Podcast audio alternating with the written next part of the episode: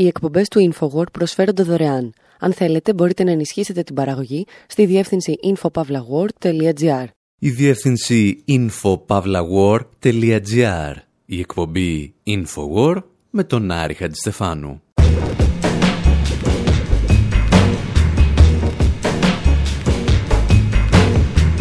Όπου σήμερα παρακολουθούμε ένα ερωτικό τρίγωνο που δεν άλλαξε τον κόσμο και ένα ραβασάκι 67 λέξεων που τον άλλαξε. Αφήνουμε τον Τάρι Καλή και τον Έντουαρτ Σαΐντ να πλακώνονται για το εάν το 1917 ήταν έτος ορόσημος στην παγκόσμια ιστορία λόγω της Οκτωβριανής Επανάστασης ή της διακήρυξης του Μπαλφούρ. Παίζουμε μπουνιές με την ηθοποιό Έλενα Μπόναμ Κάρτερ από το Fight Club και ανοίγουμε ένα παράθυρο με θέα στη Μέση Ανατολή και τη δημιουργία του κράτους του Ισραήλ. Και ύστερα αφήνουμε τον Τεν να μας διηγείται παλιές ιστορίες για τις πρώτες τρομοκρατικές επιθέσεις στην ιστορία της Μέσης Ανατολής. Θα ξεκινήσουμε όμως τεινάζοντας μερικά κτίρια στον αέρα, ακολουθώντας τις οδηγίες της ταινίας Fight Club. Stop.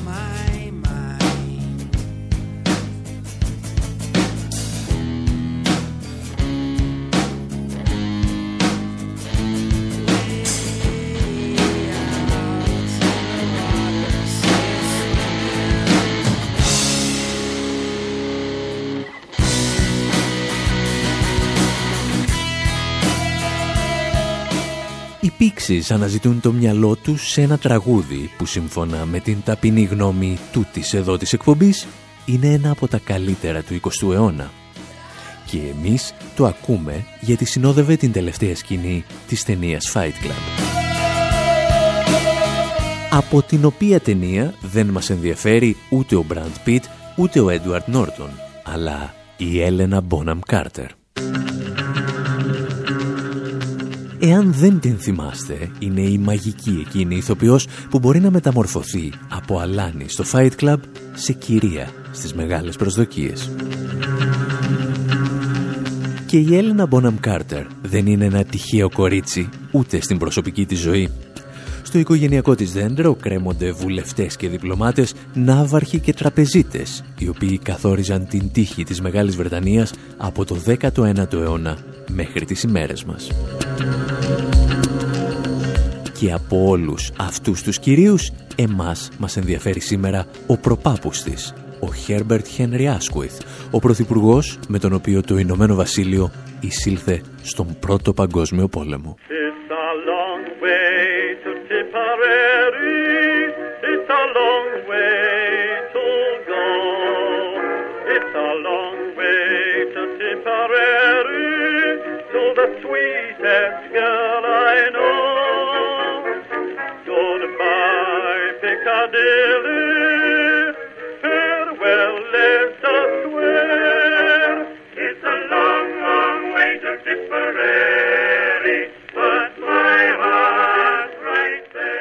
Στα τραγούδια του Πρώτου Παγκοσμίου Πολέμου, οι Βρετανοί φαντάροι προσπαθούσαν να ξεχάσουν τις κακουχίες του πολέμου με ιστορίες για τις κοπέλες τους, που τους περίμεναν στην πατρίδα τους.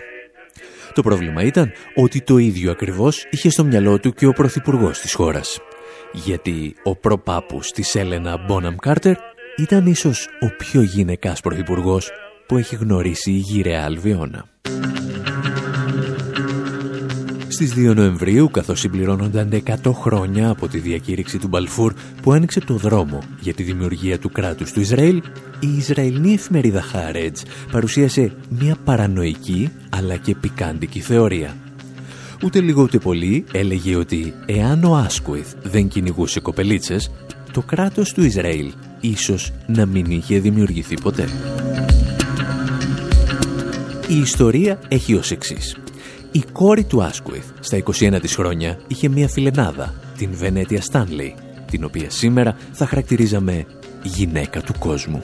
Ο Άσκουιθ θα την ερωτευτεί, αλλά αυτή ύστερα από λίγο θα τον εγκαταλείψει για έναν από τους υπουργούς του, τον εβραϊκής καταγωγής Έντουιν Μοντάγκου. Συγκρατήστε το όνομα γιατί παίζει ρόλο κλειδί στην ιστορία μας. Ο Άσκουιθ λοιπόν κατέρευσε ψυχολογικά από τον χωρισμό και όπως αφήνει να εννοηθεί η Χάρετζ, αυτός ήταν ένας από τους λόγους που τελικά αναγκάστηκε να εγκαταλείψει την Πρωθυπουργία. Ο Άσκουιθ ήταν από αδιάφορος έως εχθρικός στο σιωνιστικό κίνημα της εποχής και αν είχε παραμείνει πρωθυπουργός, δεν ήταν βέβαιο ότι θα υποστήριζε τη δημιουργία ενός εβραϊκού κράτους στη Μέση Ανατολή. Αντίθετα, ο διάδοχός του, ο David Lloyd George, αποδέχθηκε αμέσως το συγκεκριμένο αίτημα. Το σενάριο δηλαδή που διατύπωσε σε μια επιστολή 67 λέξεων ο Μπαλφούρ, την περίφημη διακήρυξη του Μπαλφούρ. Εμείς πάλι θέλουμε να πιστεύουμε ότι η ιστορία της Μέσης Ανατολής και ολόκληρου του πλανήτη δεν κρίθηκε στην φούστα της όμορφης Βενέτιας. Θα μας επιτρέψετε γι' αυτό να ξαναπιάσουμε την ιστορία από την αρχή, θέτοντας ένα πολύ απλό ερώτημα. Γιατί το Λονδίνο αποφάσισε να στηρίξει τη δημιουργία ενός εβραϊκού κράτους στην καρδιά της Μέσης Ανατολής; Αυτή τη φορά θα αφήσουμε να μας βάλει στο κλίμα ο πατέρας του Ζαν Μισελ Ζάρ.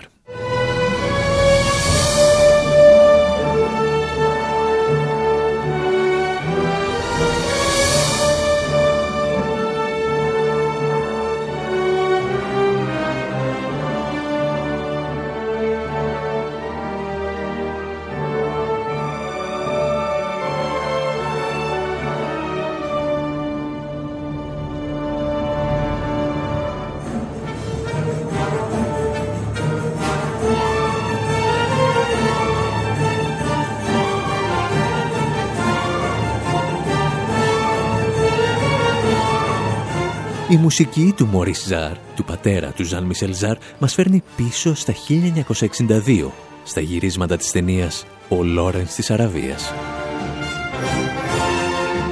Ο Πίτερο Τούλ, καλυμμένος με μια λευκή κελεμπία, υποδίεται έναν ρομαντικό επαναστάτη αρχαιολόγο, έναν άνθρωπο που μοιράζει την καρδιά του ανάμεσα στην πατρίδα του, τη Βρετανία, και τους Άραβες, οι οποίοι εξεγείρονται απέναντι στην Οθωμανική Αυτοκρατορία. Και αυτή ακριβώς είναι η εικόνα που ήθελε να παρουσιάζει εκείνη την εποχή η Βρετανική Αυτοκρατορία.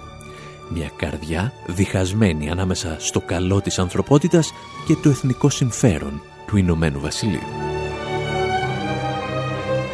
Όπως πάντα βέβαια, η αληθινή ιστορία είναι λιγότερο ρομαντική.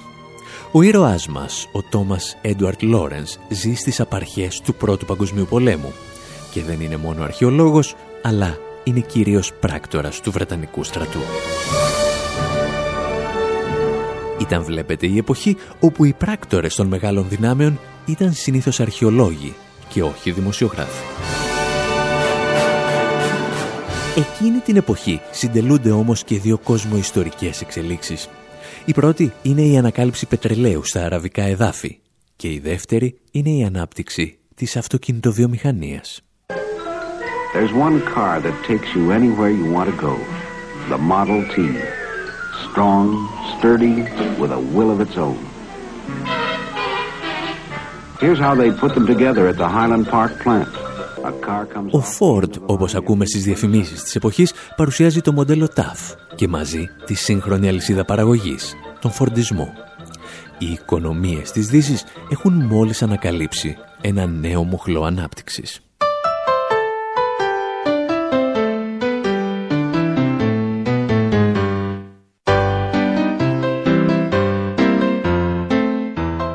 Όμως η Δύση θέλει να παράγει αυτοκίνητα και οι Άραβες έχουν στη διάθεσή τους πλούσια κοιτάσματα πετρελαίου για να γεμίζουν τα ρεζερβουάρ των αυτοκινήτων, κάποιος πρέπει να εξασφαλίσει ότι αυτό το πετρέλαιο θα περάσει στα χέρια των δυτικών υπερδυνάμεων. Μια προσπάθεια που θα οδηγήσει μεταξύ άλλων σε δύο παγκόσμιους πολέμους.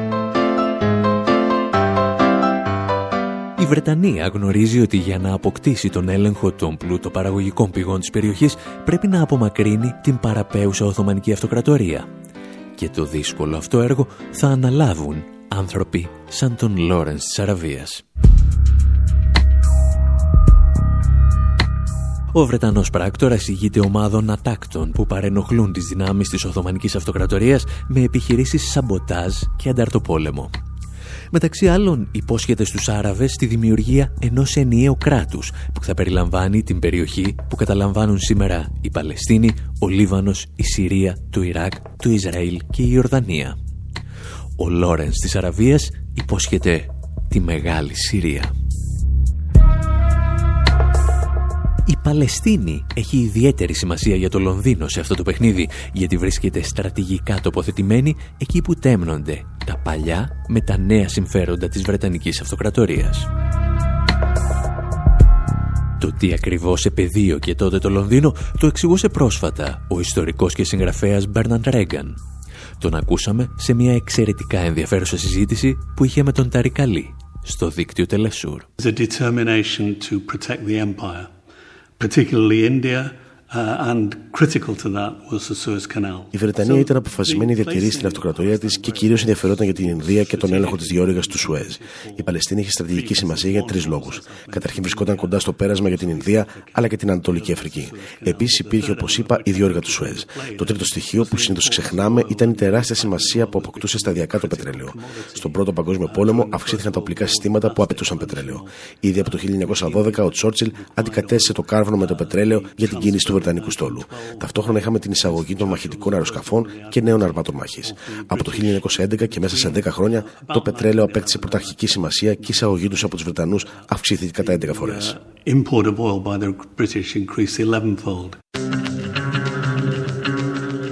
Ενώ λοιπόν οι Βρετανοί και ο Λόρενς της Αραβίας υπόσχονται στους Άραβες ενότητα, στην πραγματικότητα έχουν αποφασίσει να τραβήξουν ευθείες γραμμές στον χάρτη για να εφαρμόσουν την πολιτική του διέρη και βασίλευε.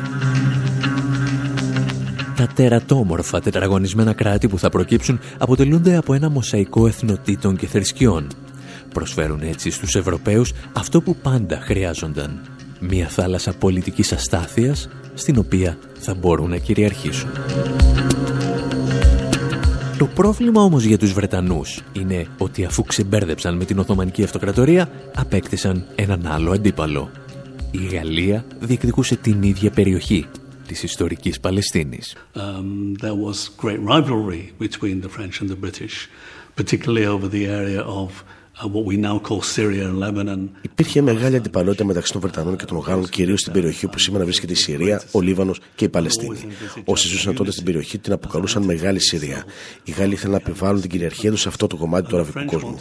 Οι αποφάσει λοιπόν λαμβάνονταν στο πλαίσιο αυτής της αντιπαράθεσης, η οποία είχε λάβει μεγάλη σημασία για τους Βρετανούς.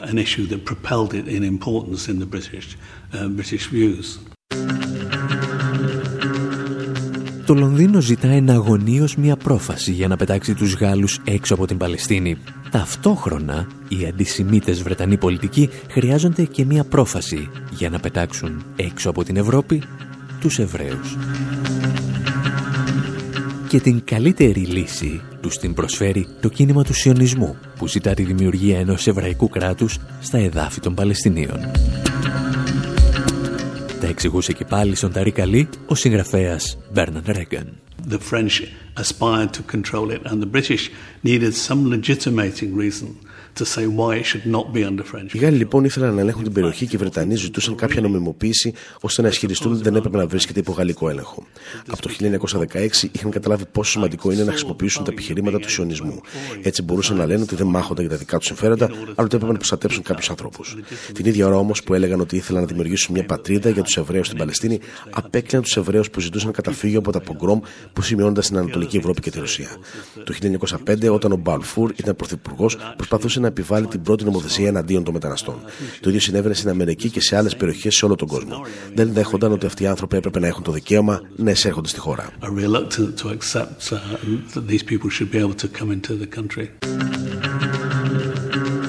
Ο Μπαλφούρ ήταν αυτό που θα λέγαμε ο Ντόναλτ Τραμπ της εποχής του. Ως Πρωθυπουργός έκλεινε τα σύνορα της χώρας του προκειμένου να μην βρίσκουν καταφύγιο οι πρόσφυγες, οι οποίοι διέφευγαν από τα πογκρόμ της Ανατολικής Ευρώπης και της Ρωσίας. Και αυτούς τους Εβραίους πρόσφυγες ήθελε να τους ξαποστείλει στη Μέση Ανατολή. Και το κατάφερε γράφοντας μόλις 67 λέξεις σε ένα κομμάτι χαρτί. Αυτά όμως θα τα συζητήσουμε ύστερα από ένα μικρό διάλειμμα. for bread, sir, so that every mouth can be fed.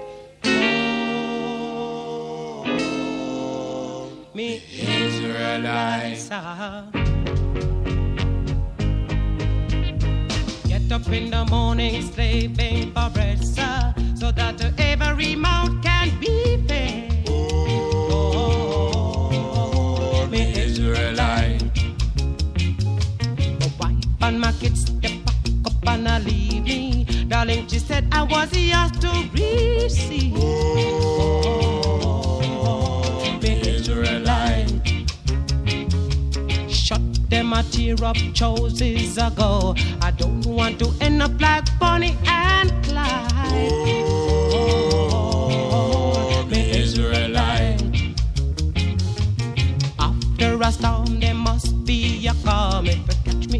farm, you sound your alarm. Oh, the poor, the poor, the poor, the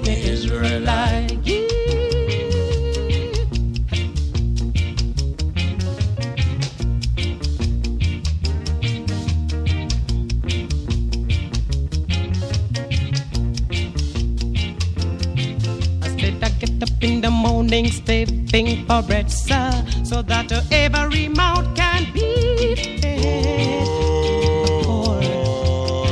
Israelites. Uh, I said my wife and my kids at the back up and not leave me. Darling, she said I was yours to receive. For me, oh, Israelites. Uh, look, me chuck them a tear up choices ago. I don't want to end up like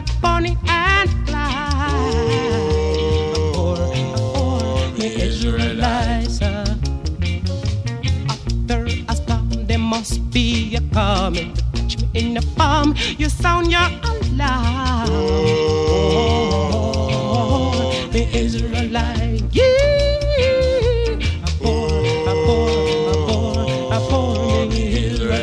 dumb. I wonder in a working so hard. I pour, I pour, I pour The Israelite. I look down and I'm.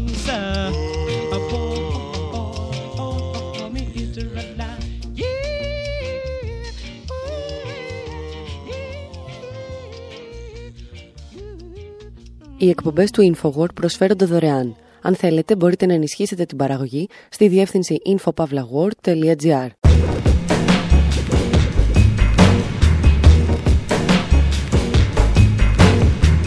Εκπομπή InfoWord, μέρος δεύτερο όπου ακούσαμε ιστορίες για ένα ερωτικό τρίγωνο που άνοιξε λέει το δρόμο για τη δημιουργία του κράτους του Ισραήλ. Και τώρα επιστρέφουμε στη σκληρή πραγματικότητα. Είδαμε το Λονδίνο και τον Μπαλφούρ να χρησιμοποιούν το αίτημα του σιωνιστικού κινήματος για τη δημιουργία ενός εβραϊκού κράτους σαν πρόσχημα για την κυριαρχία της Βρετανικής Αυτοκρατορίας στη Μέση Ανατολή. Ακόμη όμως δεν έχουμε ακούσει τι σκέφτονταν οι Εβραίοι της εποχής.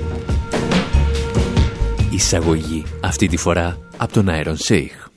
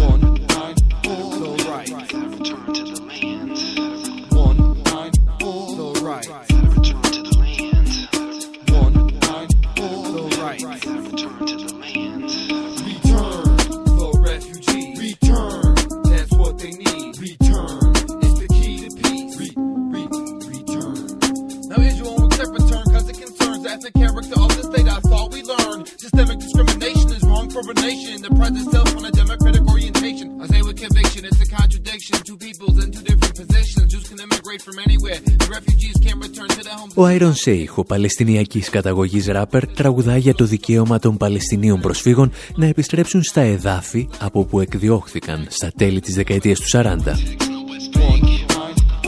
Για να φτάσουμε όμως εκεί, όπως εξηγήσαμε, προηγήθηκε ένα χαρτάκι με 67 λέξεις, με το οποίο η Βρετανία πρότεινε στην εβραϊκή κοινότητα τη δημιουργία ενός εβραϊκού κράτους στην Παλαιστίνη. Ήταν η περίφημη διακήρυξη του Μπαλφούρ. Για αρκετούς ιστορικούς, το 1917 ίσως μείνει στην ιστορία για αυτό ακριβώς το χαρτάκι. Ή τουλάχιστον αυτό έλεγε ο μεγάλος Παλαιστίνιος διανοητής Έντουαρ Σαΐντ στον Ταρικαλή, σε μια στοιχομηθεία που θυμήθηκε πρόσφατα ο τελευταίος. 1917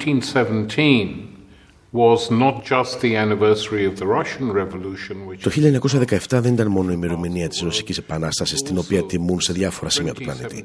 Το 2017 συμπληρώνονται 100 χρόνια από τη διακήρυξη του Μπαλφούρ και ο μακαρίτης φίλος μου, ο Έντουαρτ Σέντ, συνήθιζε να λέει ότι για αυτόν το σημαντικότερο γεγονός για το 1917 ήταν η διακήρυξη του Μπαλφούρ και όχι όσα διαδραματίστηκαν στη Ρωσία.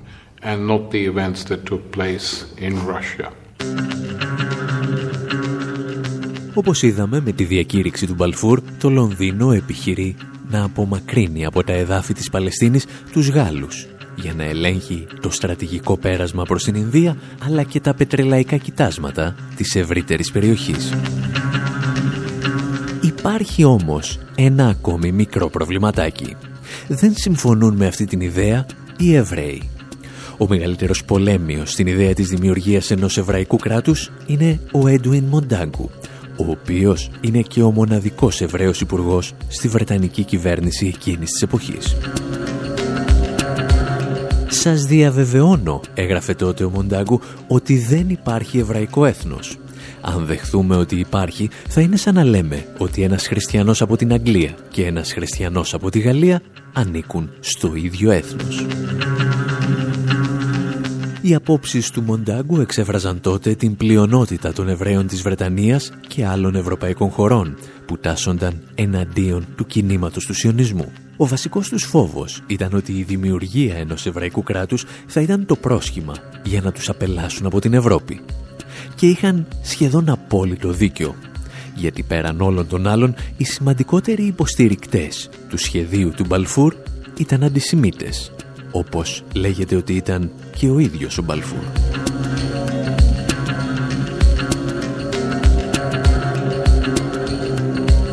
Παρ' όλα αυτά, το αντισημιτικό αλλά σιωνιστικό αίτημα της εποχής για τη δημιουργία του εβραϊκού κράτους θα κυριαρχήσει, κυρίως γιατί συμπίπτει με τα γεωπολιτικά συμφέροντα της Μεγάλης Βρετανίας. Και οι Βρετανοί πολιτικοί θα κάνουν ό,τι περνά από το χέρι τους για να εξοντώσουν ή να εκτοπίσουν τους Παλαιστίνιους που ζούσαν στα εδάφη του σημερινού Ισραήλ. Η συγγραφέας Αρουντάτη Ρόι θύμιζε παλαιότερα τι γνώμη είχε ο Τσόρτσιλ για τους Παλαιστίνιους. In 1937, Winston Churchill said of the Palestinians, I quote, I do not agree that the dog in a manger... Το 1937, ο Winston Churchill είπε για τους Παλαιστίνιους δεν αναγνωρίζω ότι έχουν το δικαίωμα να ζουν εδώ. Όπως δεν αναγνωρίζω, για παράδειγμα, ότι έγινε μεγάλο κακό στους Ινδιάνους της Αμερικής ή στους Μαύρους της Αυστραλίας. Δεν αναγνωρίζω ότι έγινε κακό σε αυτούς τους ανθρώπους, επειδή μια ισχυρότερη φυλή, μια φυλή ανώτερης τάξης, μια πιο έμπειρη φυλή, ήρθε και τους πήρε τα εδάφη.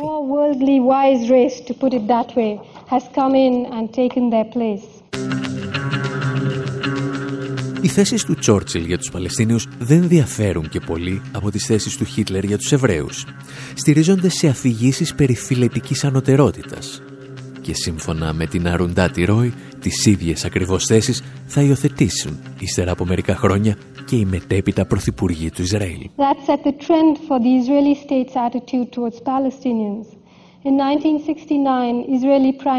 Αυτό έθεσε τις βάσεις για τη συμπεριφορά του Ισραηλινού κράτους απέναντι στους Παλαιστίνιους. Το 1969 η Πρωθυπουργός του Ισραήλ Γκόλντα Μέιρ είπε «Οι Παλαιστίνοι δεν υπάρχουν». Ο επόμενος Πρωθυπουργός, Λεβί Εσκόλ, είπε «Τι είναι οι Παλαιστίνοι». Όταν ήρθα στην Παλαιστίνη υπήρχαν 250.000 μη Εβραίοι, κυρίως Άραβες και Βεδουίνοι. Ήταν μια έρημος, κάτι παραπάνω από υπανάπτυκτη. Τίποτα. Ο Πρωθυπουργός Μεναχέμ Μπέγκιν αποκάλεσε τους Παλαιστίνιους δίποδα τέρατα και ο Πρωθυπουργός Γιτζάκ Σαμίρ τους αποκάλεσε ακρίδες, τις οποίες θα μπορούσαν να συνθλίψουν. Αυτή είναι η γλώσσα των αρχηγών του κράτους, όχι λόγια απλών ανθρώπων.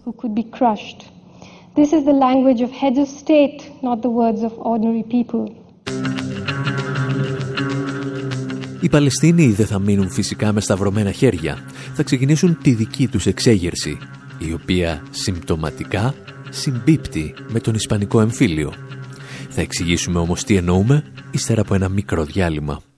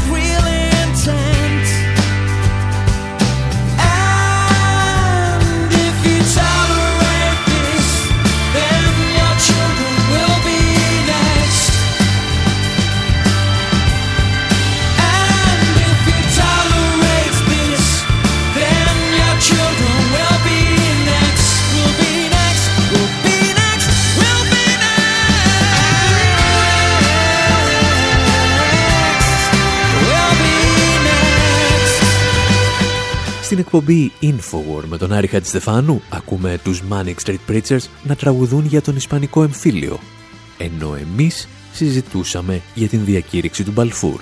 Παραδόξως όμως, τα δύο θέματα φαίνεται να σχετίζονται. Έχουμε αφήσει τη Βρετανία να επιβάλλει τη δημιουργία ενός εβραϊκού κράτους στη Μέση Ανατολή και για να το πετύχει πρέπει να συνθλίψει τους Παλαιστίνιους που ζούσαν εκεί. Οι τελευταίοι εξεγείρονται και το Λονδίνο τους αντιμετωπίζει όπως αντιμετώπισε ο Φράγκο και ο Χίτλερ την Κουέρνικα. Τα εξηγούσε ο ιστορικός και συγγραφέας Μπέρναντ Ρέγκαν σε μια πρόσφατη κουβεντούλα που είχε με τον Ταρικαλή στο δίκτυο Τελεσούρ. The period of 36-39 was a massive uprising by the Palestinians. Uh, it included, as you said, a general strike. Um, Την περίοδο από το 1936 έως το 1939 σημειώθηκε μαζική εξέγερση των Παλαιστινίων. Προχώρησαν σε γενική απεργία και δημιούργησαν επιτροπές μέσω των οποίων ο πληθυσμός βοηθούσε τους αντάρτες που μάχονταν τους Βρετανούς. Αυτή ήταν η κρίσιμη στιγμή που προετοίμασε το έδαφος για τα γεγονότα του 1947-48. Ελάχιστοι μιλάνε σήμερα για όσα συνέβησαν τότε. Οι Βρετανοί αντιμετώπισαν με τα όπλα την εξέγερση και βομβάρδιζαν τους Παλαιστίνιους. Μην ξεχνάτε ότι την ίδια εποχή στην Ισπανία είχαμε τη σφαγή της Κουένικα. Την ίδια στιγμή δηλαδή που οι Βρετανοί βομβάρδιζαν του Παλαιστίνιους.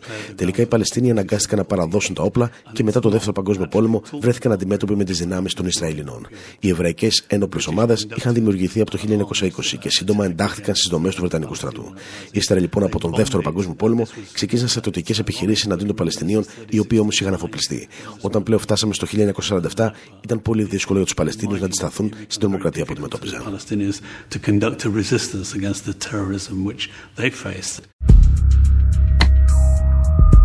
Ο Μπέρναντ Ρέγκαν είναι ιστορικός και όταν αναφέρεται στην τρομοκρατία των Ισραηλινών δεν θέλει να κάνει κάποιο πολιτικό σχόλιο. Αναφέρεται στους Ισραηλινούς τρομοκράτες που εισήγαγαν στη Μέση Ανατολή τις βομβιστικές επιθέσεις με παγιδευμένα αυτοκίνητα. Αυτή όμως είναι μια άλλη μεγάλη ιστορία την οποία όπως είχαμε κάνει και στο παρελθόν θέλουμε να σας διηγηθούμε με τη βοήθεια του Τεντέν.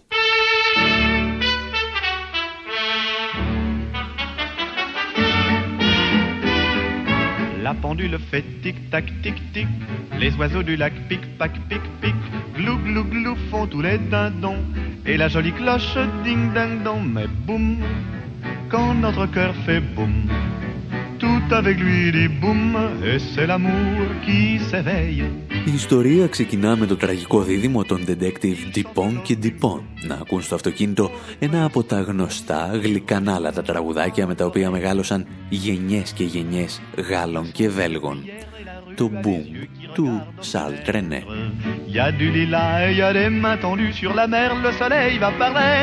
Το ρολογάκι λέει κάνει τικ τικ τακ, τα ψαράκια της λίμνης πικ πακ πικ, οι γαλοπούλες γλου γλου γλου και η καρδιά του τραγουδιστή Boum. Le vent dans les bois fait ouh, la biche aux abois fait mê, la vaisselle cassée Και αν σας ανακατεύει όσο και εμάς η γελοιότητα της γαλλικής μουσικής σκηνής της δεκαετίας του 30, κάντε λίγο υπομονή. Tout avec lui dit boum, l'oiseau dit boum, c'est l'orage. Boum. Σύμφωνα με την ιστορία που σκαρφίστηκε ο Ερζέ, μπουμ, δεν κάνει μόνο η καρδιά του τροβαδούρου, αλλά και τα αυτοκίνητα των τυπών και τυπών, όπως και εκατομμυρίων άλλων οδηγών σε όλο τον κόσμο. Κάποιος, φαίνεται, έχει πειράξει το πετρέλαιο που έρχεται από τη Μέση Ανατολή, απειλώντας έτσι την παγκόσμια οικονομία.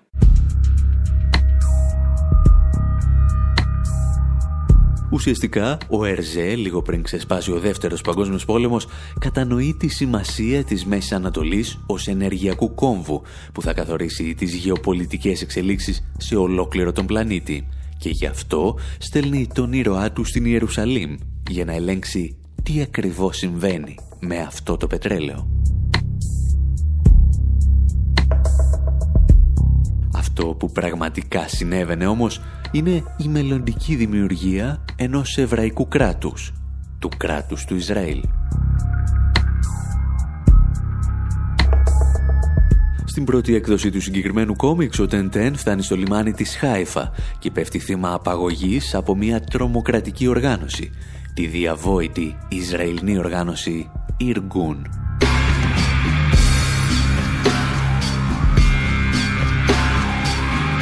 Η Ιργούν ήταν στην πραγματικότητα μια παραστρατιωτική οργάνωση Εβραίων Σιωνιστών που πραγματοποιούσε πολύ νεκρές επιθέσεις εναντίον της Βρετανικής κατοχής. Σήμερα τα μέλη της συγκεκριμένης τρομοκρατικής οργάνωσης θεωρούνται ήρωες για το Ισραηλινό κράτος. Κάποιοι άλλοι όμως υποστηρίζουν ότι πρόκειται για τον προάγγελο οργανώσεων όπως η Αλ-Κάιντα. Η Ιργούν έμεινε στην ιστορία για μια συγκεκριμένη επίθεση που πραγματοποιήθηκε στις 22 Ιουλίου του 1946 στο ξενοδοχείο King David στην Ιερουσαλήμ. Τα εξηγούσε όμως πολύ καλύτερα το αμερικανικό ντοκιμαντέρ The Age of Terror.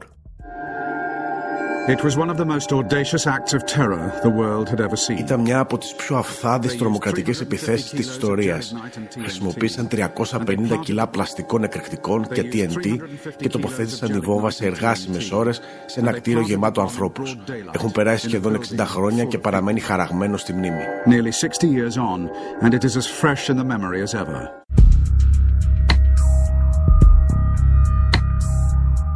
Η βόμβα που τοποθετεί η οργάνωση στο ξενοδοχείο King David δεν αφήνει πίσω της μόνο δεκάδες νεκρούς.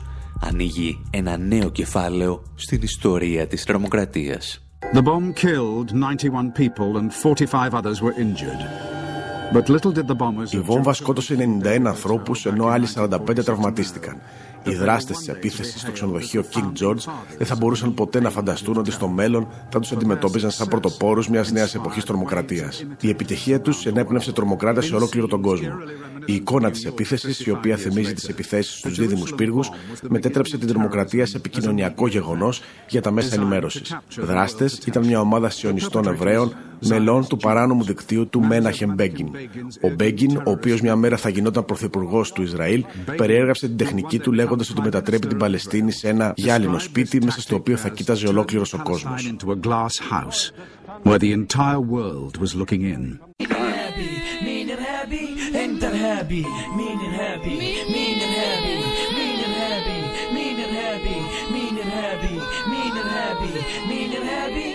ارهابي مين ارهابي انا ارهابي كيف ارهابي وانا عايش ببلادي مين ارهابي انت ارهابي ماكلني وانا عايش ببلادي قتلني زي ما تلت اجدادي اجل القانون عن فاضي ما انت يا عدو بتلعب دور الشاهد المحامي والقاضي علي قاضي Ποιος είναι ο τρομοκράτης, τραγουδούν οι Ντάμ. Εγώ είμαι ο τρομοκράτης ή εσύ είσαι ο τρομοκράτης. Εσύ που έχεις κλέψει τη γη μας και παρουσιάζεσαι σαν μάρτυρας, σαν δικηγόρος, αλλά και σαν δικαστής μας. Νομίζεις ότι είσαι δημοκράτης, αλλά ακολουθείς την πρακτική των Ναζί, συνεχίζουν οι Ντάμ. Βίαζες για χρόνια την ψυχή μας, με αποτέλεσμα να γεννηθεί ένα νόθο παιδί που ονομάζεται βομβιστής αυτοκτονίας.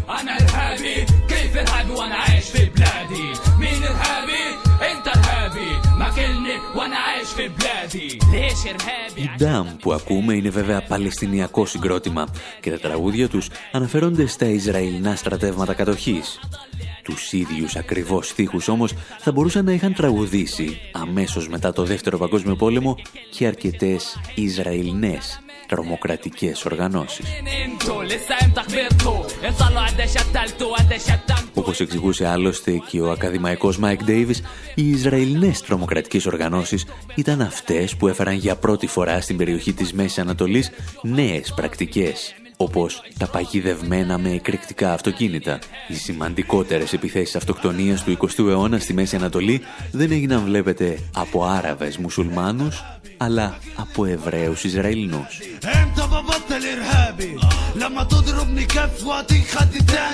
Γιατί, ως γνωστόν, η τρομοκρατία του ενός ενδέχεται να είναι το εθνικό απελευθερωτικό κίνημα του άλλου.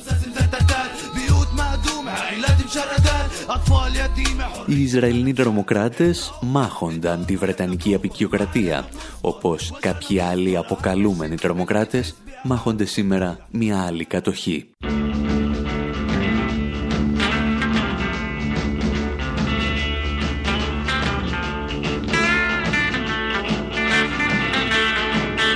Αισθάνονται μετά να πείσει στους Παλαιστίνιους ότι οι ένοπλοι πάλι δεν είναι ο καλύτερος τρόπος για να αποτινάξουν την κατοχή και να παλέψουν για τη δημιουργία ενός ανεξάρτητου και κυρίαρχου κράτους.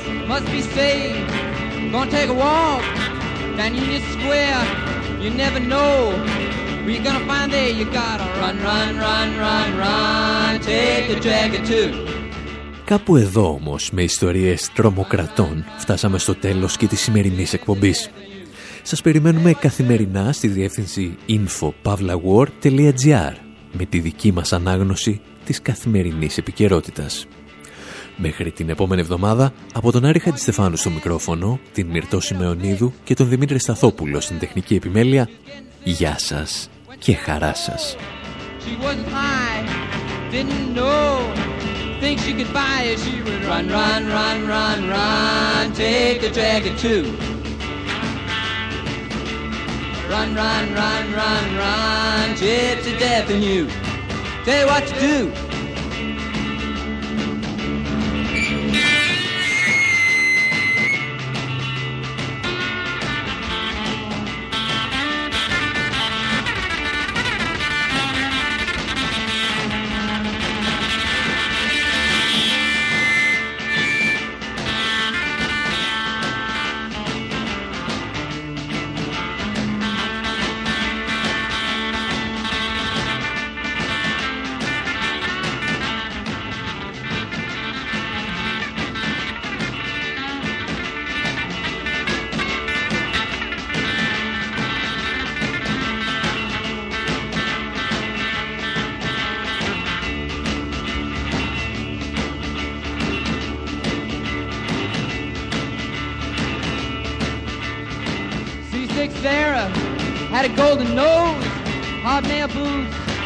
Wrapped around her toes. When she turned blue, all the angels screamed. They didn't know, they couldn't make her sing. She had a run, run, run, run, run, take a dagger too. Run, run, run, run, run, chips to death in you. Tell you what to do.